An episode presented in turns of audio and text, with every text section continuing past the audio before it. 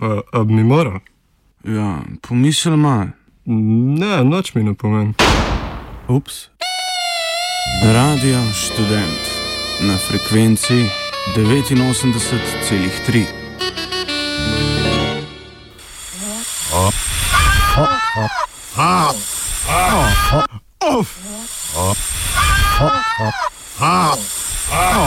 Offside.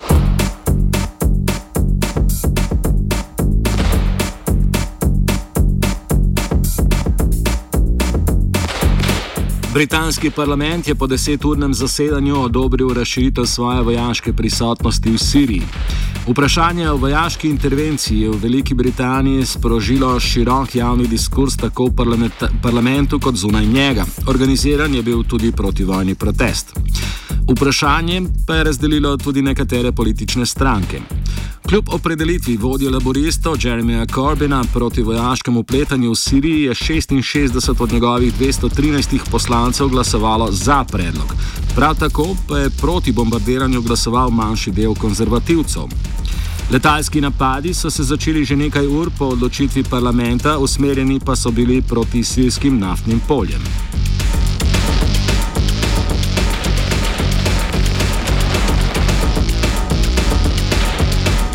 Med mnogimi pomisliki, ki jih imajo kritiki takšnega ukrepanja, je dvom v trditev, da bo takšno ravnanje prineslo večjo varnost in sum, da bo vojaška intervencija sprožila še večjo radikalizacijo islama.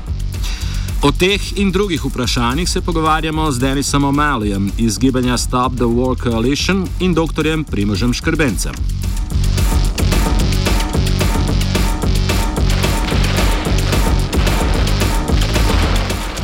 Vojaško intervencijo je podprla velika večina poslancev britanskega parlamenta, odločitev pa je bila pospremljena še z retoričnim napadom na njihove nasprotnike, pojasni Denis O'Malley.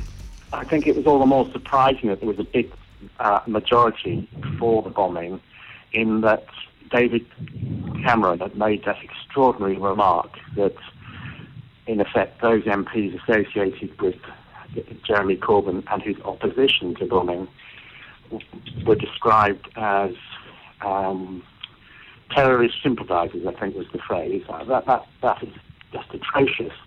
And if you were watching the debate, you'll be aware that at least six different MPs, probably more, demanded that he apologise and said, you know, for example, Alex Salmond, the former leader of the Scottish National Party, described this uh, label as insulting, which it, which it absolutely is and yet David Cameron did not apologise.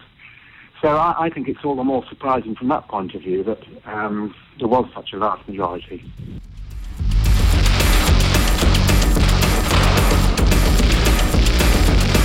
Po besedah britanskega premijeja Davida Camerona naj bi vojaška intervencija v Siriji povečala varnost britanskega prebivalstva. O'Malley meni, da bo imela nasproten učinek. And whilst the UK is definitely a target for, for bombing by ISIS if, if ISIS can manage to stage one. I think it's less of a target than France because of its colonial history. Um, we may not want to take too much notice of what uh, the perpetrators of atrocities such as that in Paris say, but I think you may know that at least one of them, before they blew themselves up, said that uh, it was France's military involvement in Syria at present that had led to that particular attack. Um, I, I, think that the bombing will, if anything, make us more of a target, not less of a target.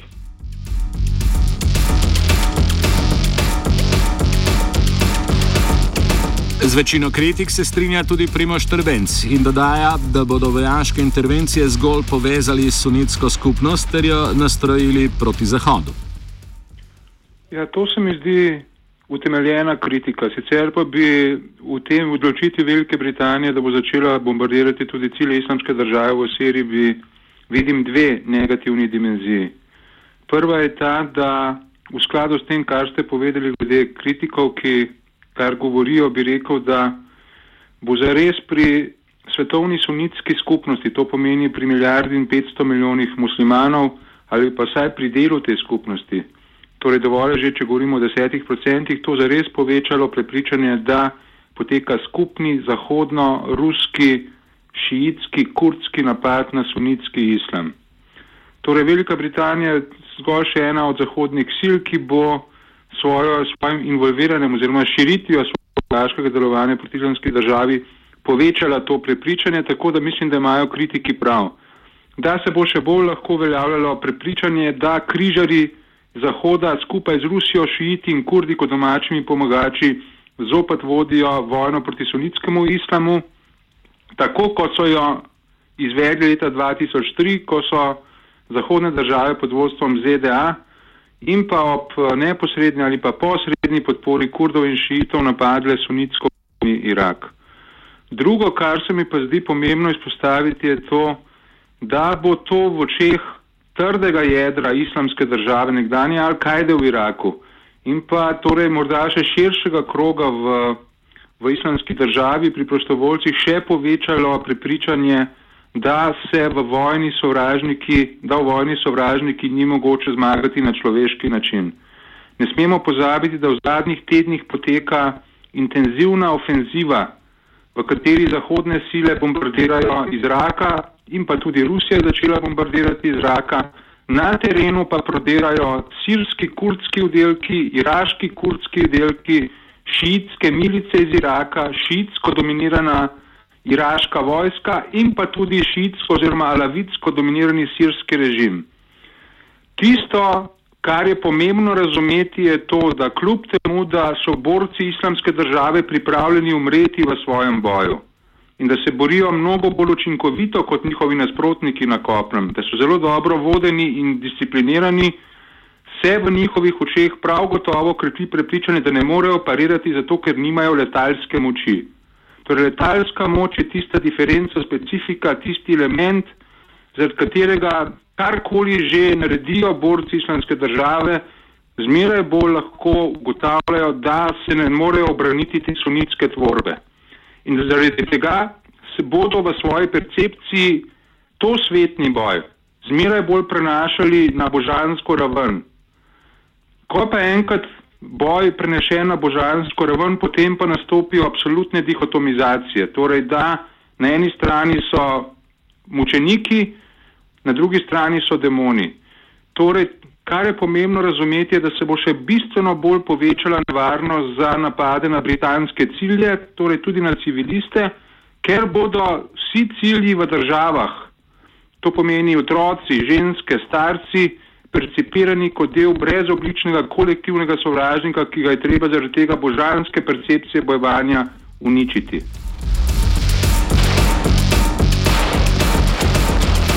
Britanska vlada pa bi lahko povečane varnostne ukrepe, ki naj bi okrepile boj proti terorizmu, uporabila za zatiranje opozicije in civilnih gibanj, nam pove O'Malley. Well, we're already moving in that direction. Uh, I think that uh, it's very alarming that so many people don't see that hard won freedoms in the past are being rapidly eroded. Um, you, you, mentioned the arrest of environmental campaigners, but uh, it's not only um, environmental campaigners who are being hounded in France. You probably know that it's actually become illegal. The, the boycott, divestment, and sanctions movement against Israel uh, is actually illegal in France now, and uh, we haven't quite got to that point here. Uh, there are times when police in London can react very badly to large protests, which we still have the right to do, peaceful protests. But on many occasions, they can be reason behave reasonably. I mean, during the Tory Party conference, for example, uh, when you know there were protests going on in Manchester right through the period of the Tory Party conference, uh, I was there. I think, on the whole, the behaviour of the police was was remarkably good. Now, as I say, I, I, I think things are, are, moving in a direction, in, a, in, a, in, an alarming direction, and we need to take note of what's happening in France and resist in every way we can uh, a move in that same direction here in the UK.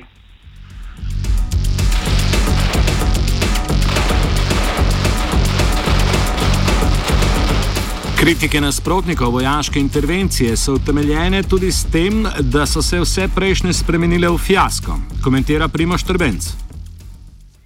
Torej, treba je povdariti, da nobeno vojaško posredovanje Zahoda do sedaj nikoli ni prineslo kakšnih pozitivnih posledic nasprotno, ampak je zgolj še poslabšalo stanje na Bližnem vzhodu oziroma ustvarilo radikalizacijo. Kar nekaj takšnih primerov imamo. V bistvu je do ponovnega dviga islama in pa do nastanka prvih islamističnih gibanj začelo prihajati po šestdnevni vojni 1967, ko je Izrael, ki je v arabskem svetu percipiran kot podaljšana roka Zahoda, katastrofalno porazil arabske armade. Do nadaljne radikalizacije je prišlo takrat, ko, je, ko so Združene države Amerike vojaško v prvi zalivski vojni razbile Irak in se fizično pozicionirale v Perzijskem zalivu, ključno z pozicioniranjem svojih vojakov na svetem arabskem ozemlju Saudske Arabije. Na ta način se je Al-Kaida v 90-ih letih prejšnjega stoletja zelo ukrepila in je potem prišlo do 11. septembra. In pa seveda ne na zadnje, ameriški napad na Irak leta 2003 je povzročil hudo fazo radikalizacije islamističnih gibanj, tudi nastanek današnje islamske države, torej te akutne posledice, ki jih danes pravzaprav doživljamo. Britanska vlada bi se morala tudi tega naučiti, da povečano vojaška dejavnost zahodnih držav zelo povečuje možnost terorističnih napadov na državljane teh držav. Vendar pa sem skeptičen glede tega, ali se je ta britanska vlada danes, ki je pravzaprav plutokracija, vladavina nekih bogatašov, če se je česa naučila, je v dobrih odnosih z korporacijami, ni pa mogoče tudi izključiti možnosti, da si pravzaprav želi fenomen terorizma v smislu, da bi se pozornost državljanov preobračala oziroma da bi bila obrnjena stran od socialnih vprašanj, ki so zmeraj bolj pereča k domnevnim terorističnim nevarnostim. Torej, britanska vlada bi se morala zavedati, da je ravno britansko sodelovanje v agresiji na Irak leta 2003 povzročilo destruktiven teroristični napad v Londonu 7. julija 2005. Ne na zadnje pa je že tudi pred kratkim v Tuniziji prišlo do napada na hotel, v, so bili, v katerem so bili britanski državljani. Torej, očitno se kljub tem osupljivim paralelam z situacijo po 11. septembru današnji zahodni oblastniki niso nič naučili.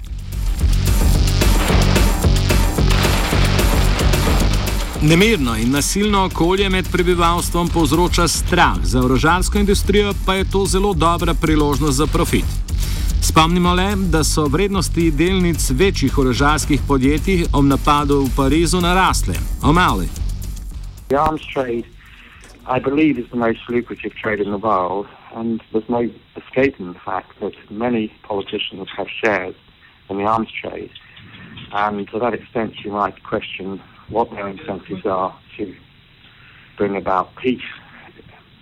Their shares will go down after all. That's a very cynical thing to say, but um, sadly, a, a lot of politicians, just by the nature of wanting power, also are motivated by money. Po kritikah pa neizbežno pridemo do vprašanja, kakšen bi bil primeren način boja proti islamski državi. Štrbenc. Vsekakor, torej, vsekakor uh, obstaja en sam način, na katerega lahko učinkovito razrešujemo fenomen islamske države. In seveda pri tem ni treba biti veliki modrec, treba je zgolj ugotoviti, da se ne smejo ponavljati napake, zaradi katerih je islamska država sploh nastala. Torej ne pozabimo, fenomen islamske države je v obliku, obliki organizacije za tavhid in džihad nastal direktno po napadu na Irak. Torej bombe ne zaležejo, bombe lahko zgolj še ustvarijo močnejši oziroma večji problem radikalnega islamizma. In pa drugič, Ne pozabimo, da je islamska država lahko junija prejšnje leto tako hitro prodrla, zaradi, te, zaradi tega, ker so se suniti v Iraku počutili tako zelo deprivilegirane. Kaj ti šiitske oblasti, ki so prevzele oblast v Iraku januarja 2005, so jih tako rekoč izključile iz družbenega življenja. In pa še nekaj. To, da je sunitska populacija tako hitro sprejela islamsko državo, oziroma njeno napadalno politiko v Iraku oziroma njeno prodiranje tudi rezultat tega, da je Zahod v Siriji podpiral sunitske opornike proti režimu Bašarja Lasada in na ta način na eni strani torej zmeraj bolj plašil šiitske oblasti v Iraku, da niso bile pripravljene popuščati sunitom v Iraku, po drugi strani pa opogumljal sunitev v Iraku, da so menili, da tudi oni lahko zrušijo šiitsko vladavino v Iraku. Torej, en sam način je, ki pa je seveda veliko bolj težak in pa mukotrpen, kot so te bližnice, ki jih sedaj ubirajo zahodne vlade vojaškega obračunavanja. To je spostavljanje skupne sunitsko-šiitske oblasti v Siriji, torej politični kompromis, ki mora vključevati vsaj za neko najmanj dveletno obdobje tudi Bašarja al-Assada, s katerim se identificirajo manjšinske religijske skupnosti v Siriji. Če bi v Siriji vzpostavili kompromisno skupno sunitsko-šiitsko oblast z Asadom, bi bilo mnogo lažje vzpostavljati podobno oblast v Iraku. In zgolj na tak način, torej dveh inkluzivnih sunitsko-šiitskih vlad, bi se sunitske populacije, ki sedaj živijo pod nadzorom islamske države, lahko počasi začele, počasi oddaljevati v trdega jedra islamske države. To je edini pravi način, če nočemo še povečati nevarnosti za civiliste, ne na zadnje pa tudi, če zmaga ta vojaška koalicija nad islamsko državo. Če razpršijo zadnjega pripadnika islamske države, smo lahko prepričani, da se bo čez nekaj časa pojavil fenomen, ki bo še bistveno bolj radikaliziran kot je islamska država. Tudi v koaliciji Ustavimo vojno iščejo alternativne načine boja proti islamski državi. Predlagajo predvsem povečanje socialnih transferjev. Nadaljujejo mali. Um. Very much so. You may be aware of one of the Stop the War Coalition's slogans, which is welfare, not warfare. It's been observed that sometimes somehow there seems to be an unlimited pool of money available for these military interventions where um, cutbacks become more and more severe in this country. The whole notion of austerity is a choice, a political choice. It's not a necessity. The, the, the Tory government would have us believe that this is something that has to be done. My understanding is that very few nations in the world, I think Singapore is one of them, actually run a, a surplus. I, you know, I'm not an economist. I can't explain the ins and outs of it, but um, that, that, that is the case. I, am I'm, I'm pretty well sure. So, you know, there is a, a separate organisation, a separate campaigning group, um, a, a campaign against austerity. So, yeah, the social consequences for us in this country are really pretty frightening. It's uh, never been a better place for the rich to be. And as I've already said, the Conservative government only serves the interests of the rich, the privately educated and so on. And the media is controlled by wealthy individuals on the whole who influence public opinion according to um, the interests of the wealthy.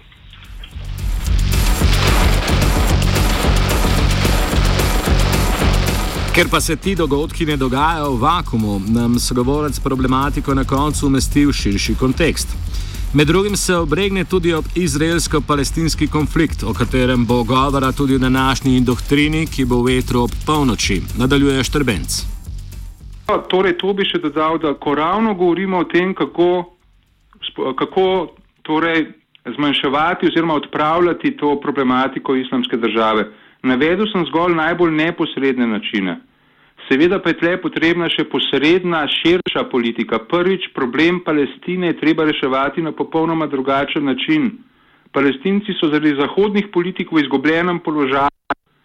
Treba je reševati to tragično katastrofo palestinskega ljudstva. Drugič, Dokler bo v svetu prevladoval neoliberalni družbeno-ekonomski sistem, ki ustvarja večje, večje, zmeraj večje množice deprivilegiranih posameznikov, se bodo ljudje bolj obračali k Bogu in bo več radikalizacije. In pa ne na zadnje, zmeraj bolj na Zahodu nastaja problem smisla oziroma pomanjkanja smisla. vse večja tehnologizacija družb bo ta problem pomankanja smisla zgolj še poglabljala. Torej se moramo na neki točki vprašati, kam gre ta razvoj v narekovaju tehnologije. Ne na zadnje, upoštevajmo, da uničuje delovna mesta.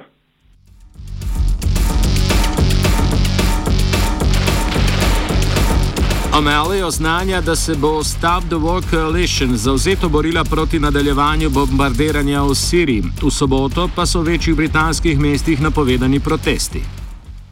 Stop the War Coalition will continue to take a very strong stand against the bombing, even now it's begun. I believe there will be big protests in London this Saturday, and there will be many more. And as this unravels, and we see uh, that it probably leads to the use of ground ground forces as well, I think there will be a big uh, reaction in the UK to what's going on. There's a feeling that our troops are pretty safe, our, our, our military people are pretty safe as long as they're up in their high tech jets bombing. However, precisely, I think um, will still cause a lot of civilian casualties and therefore an even greater flow of refugees, which is quite an issue for Europe already.